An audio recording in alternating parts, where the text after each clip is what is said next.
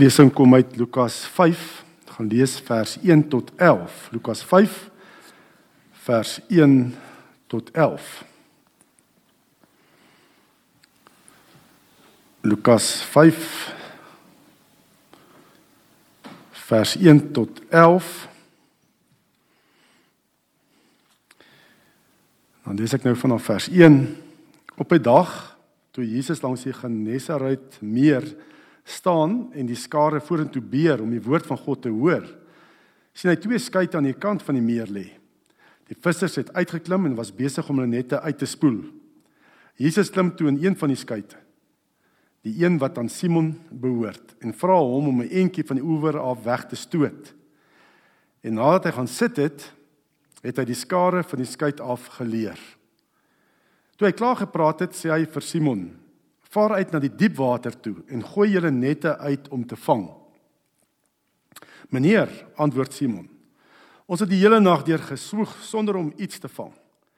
Maar op u woord sal ek die nette uitgooi. En toe hulle dit doen, het hulle so groot klomp vis gevang dat hulle nette wou skeur. Hulle wink toe vir hulle maats in die ander skei om te kom help. Hulle het gekom en albei die skei so vol gemaak dat hulle amper gesink het. Toe Simon Petrus dit sien, val hy voor Jesus se knieë neer en sê: "Gaan weg van my af, Here, want ek is 'n sondige mens." Hy en almal wat saam met hom was, was stom verbaas oor die groot klomp vis wat hulle gevang het. Jakobus en Johannes, die seuns van Zebedeus wat saam met Simon gewerk het, was net so verbaas. Toe sê Jesus vir Simon: Moenie bang wees nie, van nou af sal jy mense vang. En nadat hulle die skei op die strand getrek het, het hulle alles net so laat lê en sy volgelinge geword. Ja, ek dink ons almal het seker al ondervinding van tandpyn, nê? Nee, 'n Tandpyn wat 'n mens of in die begin eers net wil ignoreer. Ehm um, jy drink 'n koue koeldrank of eet roomys en skielik skiet daar so pyn deur tot in jou kakebeen, sommer tot in die brein in, nê. En jy besef iets is fout. Maar jy wil ook nie tandarts toe gaan nie want dit is ook nie 'n lekker ervaring. Jy probeer dit nee wat nou as dit weer weg en dan probeer jy dit ignoreer. En dan elke keer as jy iets kouds eet of drink nê, dan skiet dit daarin en dan gaan dit weer weg en jy los dit en jy stel uit en jy probeer daai pyn ignoreer. Want dit is nie lekker om tandarts toe te gaan nie. Maar dan gebeur dit skielik op 'n Saterdag aand of 'n Sondagoggend is die pyn daar en hy gaan nie weg nie. Dis 'n groot verknorsing. Nou baie keer is dit so ook in die kerk nê nee, ons ehm um, jy jy is in die erediens en die woord van die Here en die Heilige Gees werk in jou hart en jy besef iets is verkeerd in my lewe. Jy kom onder 'n absolute sonde besef. Maar dan as jy ook uitstap en probeer dit ignoreer, want jy wil dit nie face nie. Jy wil nie jou lewe eintlik verander nie. Maar jy besef en dan stel jy dit uit en stel dit uit en ignoreer dit. Baie keer soos wat ons doen met 'n tandpyn en jy hoor die woord en dit is nie jy kom tot 'n sonde besef, maar jy wil ook nie verander nie. Dit verander nie ons lewens nie. En jy reageer dalk uh, wanneer die woord so na jou toe kom en die Here praat met jou en jy reageer dalk soos wat 'n eh, ja, Petrus gereageer het in hierdie skrifgedeelte. Gaan weg van my af, Here, want ek is 'n sondige mens. Ek wil eintlik my sonde nie hanteer nie. Gaan net weg, Here. Die vraag is Waartoe bring sonde besef jou? As die Here vir iets wys uit sy woord, wat doen jy daarmee? Watter impak het dit op jou? Waartoe bring sonde besef jou? Dit is basies wat ons kan saamvat uit hierdie gedeelte. Nou ehm um, die eerste ding wat ons kan sien wat hier met Petrus gebeur het as God in 'n mens se lewe wêreld inkom nê nee, en hy tree op en hy praat met jou is eintlik 'n natuurlike reaksie wat ontstaan is dit lei tot sonde besef. Jy besef hoe sondaar mens, nê, nee, hoe groot jou sonde is. Ehm um, dis nie die eerste keer wat Petrus met Jesus te doen gekry het hier waarop sy skytjie, sy wat hy nou gepreek het eers en toe uitgevaar het en sê dis nie eers keer wat wat Petrus moet te doen gekry het met Jesus nie. In hoofstuk 4 staan daar al reeds nê dat Jesus na Petrus se huis toe gekom het en sy skoonma genees het, nê? Sy skoonma genees het en toe daar klomp ander siek mense gekom en hy het hulle genees En uh, Petrus het selfs gehoor dit wat in Lukas 4 vers 41 staan, nê, nee, ook duiwels het uit baie ook duiwels het uit baie uitgegaan terwyl hulle skreeu, U is die seun van God. So hy het tot dit ook gehoor en gesien. Maar dit was vir Petrus nog nie vir hom nie, nê, nee, dit was nog buite sy leefwêreld. Dit hom nog nie eintlik geraak nie. Um buite sy lewe wêreld. En daarom kom hy, weet dit is ding wat wat op 'n Sondag gebeur, nê. Nee, hierdie die ding wat mense so bevry word van bose geeste. Um, dit is iets op mediese gebied. Hy's 'n visserman. Dit is buite sy lewe wêreld. Dit hom nie soveel geraak nie. Maar dan kom ons sien en daarom reageer hy ook toe toe Jesus eers sy sy skuitjie, sy vissersbootjie gebruik as 'n preekstoel en en ehm um, toe hom sê kom en vaar dieper in, gaan vang weer vis, nê? Reageer hy en hy noem Jesus meneer. Nee, hy hy erken hom nog nie as God nie. Hy sê meneer, antwoord Simon. Ons het die hele nag deur gesoek sonder om iets te vang, maar op u woord sal ek die nette uitgooi. Ja, ek het nou gesien wat in my huis gebeur het. OK, kom ek doen dit nou maar. Maar hy's nog net vir Petrus 'n meneer. Nee, in die Griekse woord beteken meneer leermeester. Hy's eintlik maar net hierdie prediker. Wat baie mense ook ervaar wanneer die woord wag is dit is 'n preek, nê. Nee, dit is nie eintlik te doen van maandag tot saterdag nie. Meneer, alright. Ek sal dit nou maar doen. Hy was vir Petrus maar nog net 'n leermeester. Een wat preek. Maar nou kom Jesus met die opdrag en hy kom in sy leefwêreld in. In sy vissersman wêreld in. En hy sê gaan vang vis. Kom ons gaan weer uit. Dis daglig. Kom ons gaan weer uit en vang weer vis. En dit raak vir Petrus. Want in die visserswêreld, dis waar hy die professional is. Jesus is die professional daar waar hy vir mense leer by die tempel en sulke dinge doen. Maar hy is nou in sy leefwêreld, nê. Nee waar Petrus eintlik mos nou meer weet en die professional is. Ehm um, hy wil eintlik vir sê ja, ons het die hele nag deur hy, hy hy eers klaai eintlik. Eintlik wil hy dit nie doen. Hy wil eintlik vir Jesus sê Jesus, u is 'n prediker, bly by preke. Moenie begin visvang nie. Ek weet wat visvang is. Die ander ouens wat saam met my gevang het ook. Ons weet hier, hierso vang jy vis in die nag, nie in die dag nie. Ehm um, jy weet nie hoe werk dit nie. Ons het nou wel niks gevang in die nag nie, maar die weer is seker nie reg nie of so iets. Maar om die dag te vang is nog belagliker. Bly by preek. Los die visvang vir ons. Ons weet beter. En is nou in sy lewe wêreld in.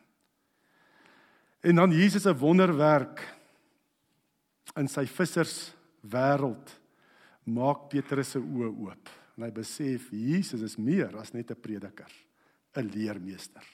Skielik gaan hy nadat hulle weer uitgegooi het en hulle vang hierdie klomp visse het hulle skuite amper gesink het en so van die baie vis nê besef hy net jo Jesus is meer as net 'n prediker 'n leermeester. En want hoor wat noem hy Jesus hier? Gaan weg van my af Here.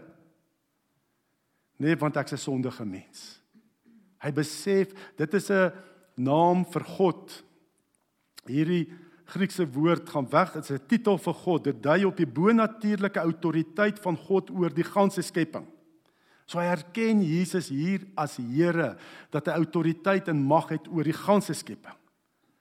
Jesus is nie net 'n leermeester nie. Hy is ook God. En dan reageer hy en sê ek is 'n sondige mens. Ek is 'n sondige mens. En dit is so. Dis eintlik oor die algemeen die natuurlike reaksie Wanneer die Here in jou lewe wêreld kom en hy praat met jou en hy tree op in jou lewe, dan is die natuurlike reaksie by ons mense om my sonde te besef. Ek is 'n sondige mens. God is almagtig.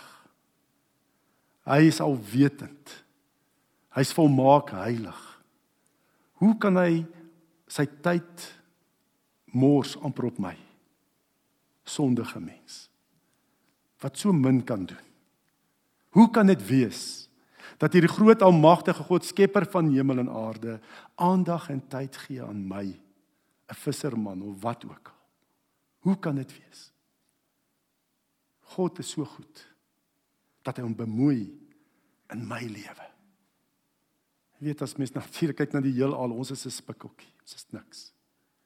Maar God kom en hy kom in ons leefwêreld in. Elkeen van ons. Ek dink nie daar was 'n mens in wie se leefwêreld God nog nie ingekom het nie en kom praat het en kom sê het kom verander.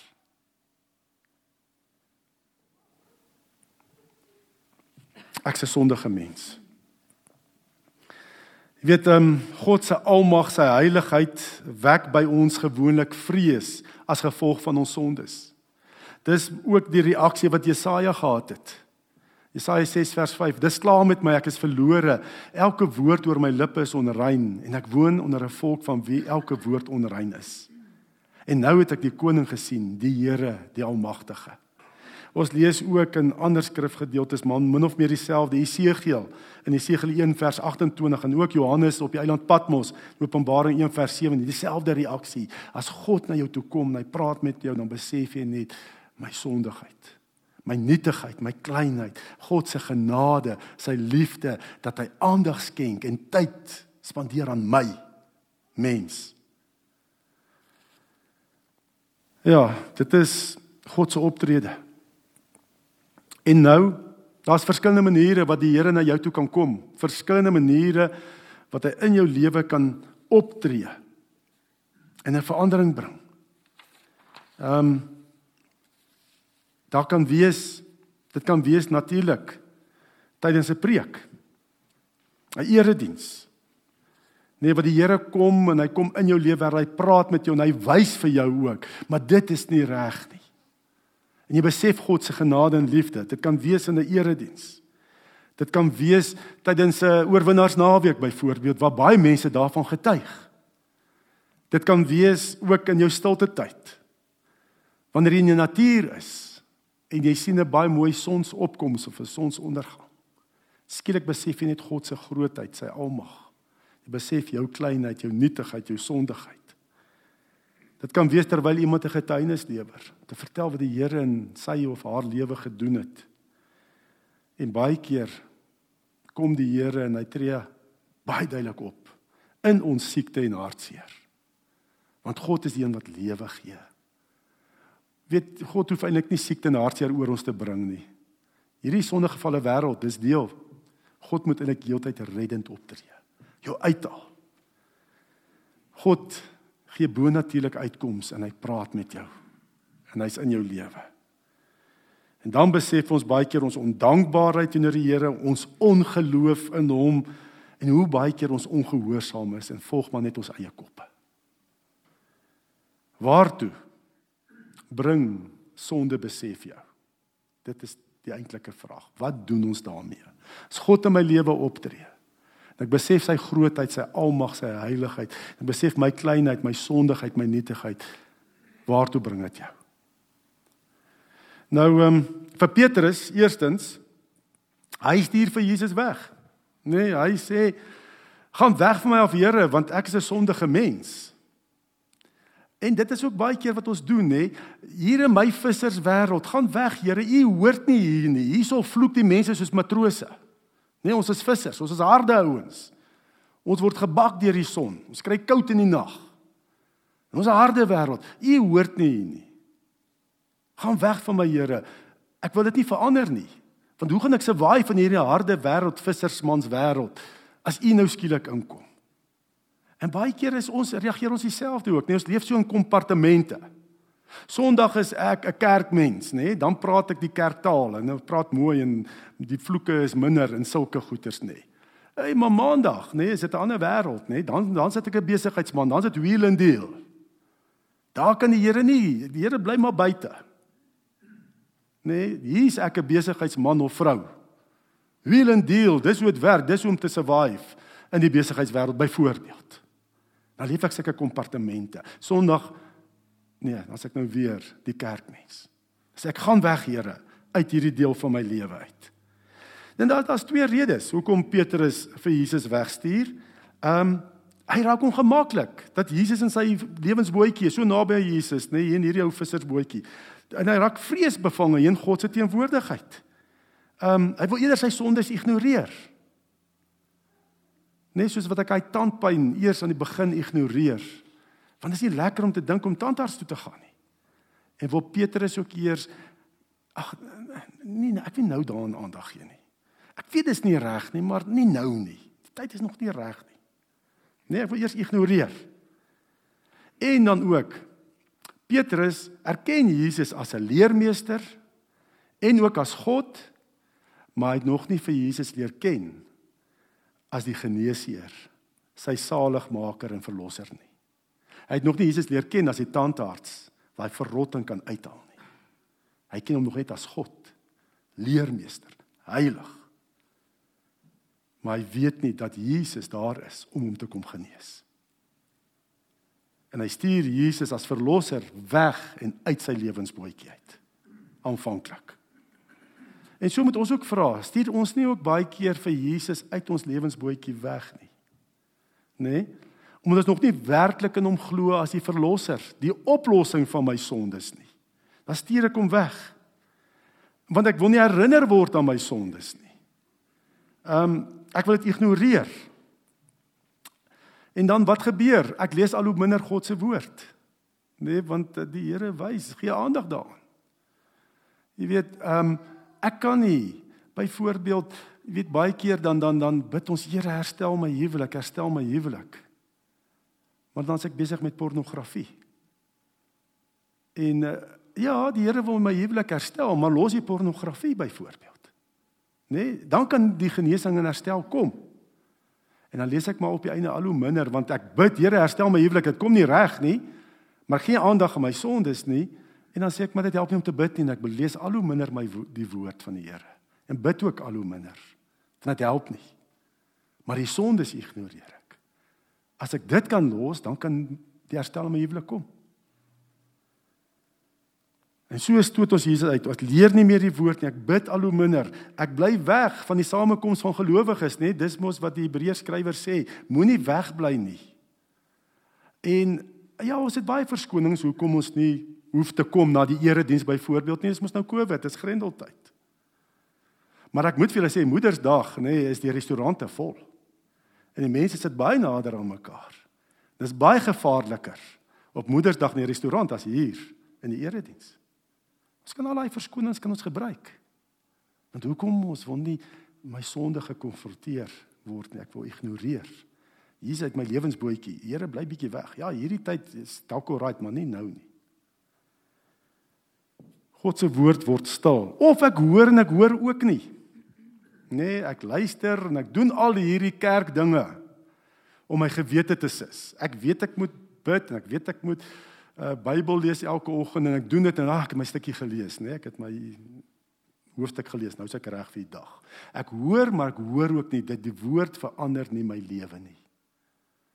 Die woord met my lewe verander. Nee, ek um, en dit gebeur so baie keer wat wat baie keer hartseer is, is dat na erediens die gemeente bymekaar gekom het. En na die preek en die mense gaan nie uitmekaar uit nê, praat dadelik oor ander goeters praat oor die rugby van gister en oor die politiek en dinge nê, maar ons oordink nie die woord nie. Ehm um, ek onthou ek was nog 'n dink 'n proponent gewees. En ek het deur iewers daar in die Bosveld gepreek. Hulle kry die proponente om te preek daar. Nou daar het hulle toe die oorsaak weet in die begin was jy moet twee eredienste hê, oggend en aand. Dit was nogal 'n baie is 'n goeie tradisie in die gereformeerde kerk. Oggend en aand en toe sê hulle nee, okay, maar dit raak nou te gevaarlik. En die ouens kom van ver af op die plase. Hulle het twee dienste na mekaar. Weet die oggend dan is daar so uur breek, 'n gele katekisasie en dan is die volgende diens daar, die leerdiens daar. En een ouderling het na my toe gekom en gesê wat vir hom so hartseer is, en dis 'n ouerige oom. Hy sê in die begin toe hulle dit begin het, nê, tussen die eerste diens en die tweede diens, wat het gebeur? Die mense het die woord met mekaar gedeel en gepraat oor wat hulle nou gehoor het in die eerste diens, oor die preek. Hulle het mekaar dit verder ingeskerp by mekaar, nê, en dit gepraat oor wat hulle nou gehoor het. Maar hy sê vandag, wat doen die ou mense as hulle uitkom? Jo, gaan sit elkeen in sy kar baie keer, nê? En wag dat die uur verbykom en die nuwe diens, die tweede diens kan gebeur of die wat bymekaar drink teen koffie en praat oor ander goeters. Praat oor politiek en die weer en al hierdie dinge. Laas Sondag was my so wonderlike ervaring geweest. Dat na die diens hoe die mense saam in groepies so gestaan en gebid het en gepraat het oor God se woord. Moenie Jesus dadelik uit jou lewe uitsny en hom wegstuur nadat jy die woord gehoor het, nadat jy by erediens is nie. Op pad terug in die kar praat, praat as gesin oor die woord. Praat met mekaar. Daar's genoeg tyd wat ons kan kla oor die politiek en die ekonomie en ek weet nie wat nie in die grendeltyd al hierdie goed. Daar's genoeg tyd daarvoor. Maar oordink God se woord. Hoor en hoor. Moenie hoor en nie hoor nie. Laat die woord deel word van jou gedagte wêreld. Dit is so belangrik. Ehm um, Of hoe ons Jesus baie keer wegstuur, nê, nee, nadat die woord gehoor het, ons begin kritiseer. Begin die prediker kritiseer of die musiek kritiseer of die klere drag van iemand kritiseer as ek goed nê en dit word so gesteel. Dat dink my so baie aan daai die die die um, gelykenis van die saaier, nê, hoe die woord gegee word dan word dit so gesteel deur allerlei dinge. Moet dit nie toelaat in jou lewe nie. Ehm um, En moenie dink, "Ag oh, Here, eers later nie. Eers later." Pasop, dit kan te laat raak. Nie sê eers later nie, veral ons jong mense. Ek wil eers die lewe geniet, Here, ek sal later, sal later. Terwyl ware vreugde is om dit in God se grense in die beskerming van sy woord jou lewe te geniet. Maar gelukkig, genadiglik het die Here nie na Petrus geluister en weggegaan nie. Hy het gebly en hy het vir Petrus geroep, nê, nee, as 'n disipel om hom te volg, om 'n visser van mense te word. En dan ehm um, en dan hoor ons weer, ons sien dieselfde prentjie ook by hierdie Genesaret se meer. Ehm um, ons lees daarvan Johannes 21 vers 1 tot 14. Dis nou na Jesus se kruis en opstanding kry ons dieselfde geskiedenis, dieselfde prentjie. Alles is omtrent dieselfde. Praat daar Johannes sê die eh, die see van Tiberias is 'n ander naam vir die Genesaret meer. En dan sien ons dieselfde in Johannes 21, né? Nee, sien ons dieselfde prentjie. Hulle het weer gaan visvang, né? Nee, Jesus is gekruisig, hy het opgestaan. Hy het al aan die disippels verskyn, maar toe sê Petrus vir die ander disippels gaan kom ons gaan vang weer vis, né? Nee? En hulle gaan vang vis, hulle het weer niks deur die nag gevang nie. Dit is dieselfde prentjie. En weer staan Jesus op die kant en sê vir hulle gooi die nette na die regterkant uit. Hulle weet nog nie dis Jesus nie. Gee weer die opdrag om weer die nette uit te gooi. En dan weer 'n wonderwerk. Lees ons in Johannes 21. En dan weer 'n sonde besef by Petrus. En ek dink die keer was die sonde besef nog meer intens. Hoekom? Want laas het hy nog vir Jesus verraai voor sy of nie verraai nie, verloon voor sy kruis. Toe daai uh diensmaagd van gevra het, maar jy's ook 'n volgeling, hy gesê ek ken Jesus net, selfs gevloek en toe die haan gekraai na die derde keer. So dink die sonde besef by Petrus was nog meer intens. Hier wat beskryf word in Johannes 21. Maar sy sy sy reaksie is soveel anders. Ons lees daarvan Johannes 21 vers 7 en 8. Heeltemal 'n ander reaksie by Petrus. Hy stuur nie vir Jesus weg nie. Toe Simon Petrus hoor dat dit die Here is, het hy sy hemp aangetrek want sy boelhy was skaal en in die water gespring. Die keer hardloop hy nie weg nie. Hy spring in die water nê om eers daar by Jesus uit te kom. Hulle was nie ver van land af nie, net omtrent 100 tree. Die ander disippels in die skytjie gekom en met die net met die visse gesleep. So hy kon nie eers wag dat die volgelaaide bootjies by die by die kus kom nie. Hy het sommer uitgespring en begin swem na Jesus toe. Hoekom? Want hy het Jesus leer ken as sy saligmaker en verlosser. As die geneesheer, as die tandarts vir die verrotting in sy lewe. Dis die verskil. Petrus haas hom met sy sonde na Jesus toe. Want hy weet net by Jesus daar vergifnis van sondes, vryspraak. Net by Jesus is daar die nuwe lewe as 'n kind van God. Hy haas hom met sy sonde na Jesus toe. Dis wat vrees van die Here beteken. Vrees van die Here beteken ek kan nie wegkom van die Here nie, hy's alomteenwoordig. Ek kan hy's ook almagtig. So ek kan nie wegkom van God af nie, van Jesus nie. Wat moet ek doen? Die beste is om na hom toe te gaan. Kom jou sonde sak, nee, ons het net nou gesing. Nee, met my sonde sak. Kom met jou sonde sak. Lê dit by die kruis neer. Haas jou met jou sonde na Jesus toe. Want daar's vergifnis en nuwe lewe by die kruis van Jesus. Vryspraak by die kruis van Jesus. Moenie wegbly nie. Gaan. Spring, sê Here, U is die stuurman van my lewensbootjie. Ek kan nie sonder U nie. Dis die regte hantering van ons sondes. Nee, moet dit nie ignoreer of vermy nie, maar bely jou sondes en lei dit en lê dit voor die kruis van Jesus neer. En ek gaan ook nou weer geleentheid gee. Dis ware geloof in Jesus. Om jou te haas na hom toe met jou hele lewe. Jou hele lewe oor te gee aan hom. Ook wanneer jy maandag nê nee, by die werk is om die besigheidsman of vrou of die onderwyser of onderwyseres of wat ook al te word wie God wil hê jy moet wees. Nie om hom uit jou lewensbootjie te vat. Sê Here, wys my hoe ek kan leef van maandag tot sonderdag. Die kind wie U wil hê ek moet wees. En kom ons kom ons sê dit vir Here hierdie voorneme. Here, ons kom na U toe. En ons het U so nodig, Here. Ons kan nie een oomblik sonder U lewe nie. Here Jesus, as ons dink aan ons eie lewens, dan besef ons net hoeveel ons sonde is. Dat ons is absoluut verlore in onsself. Daar's niks wat ons kan doen om onsself te red nie. Redding en verlossing is net slegs in U, Here Jesus. En bid dit ook in jou hart saam.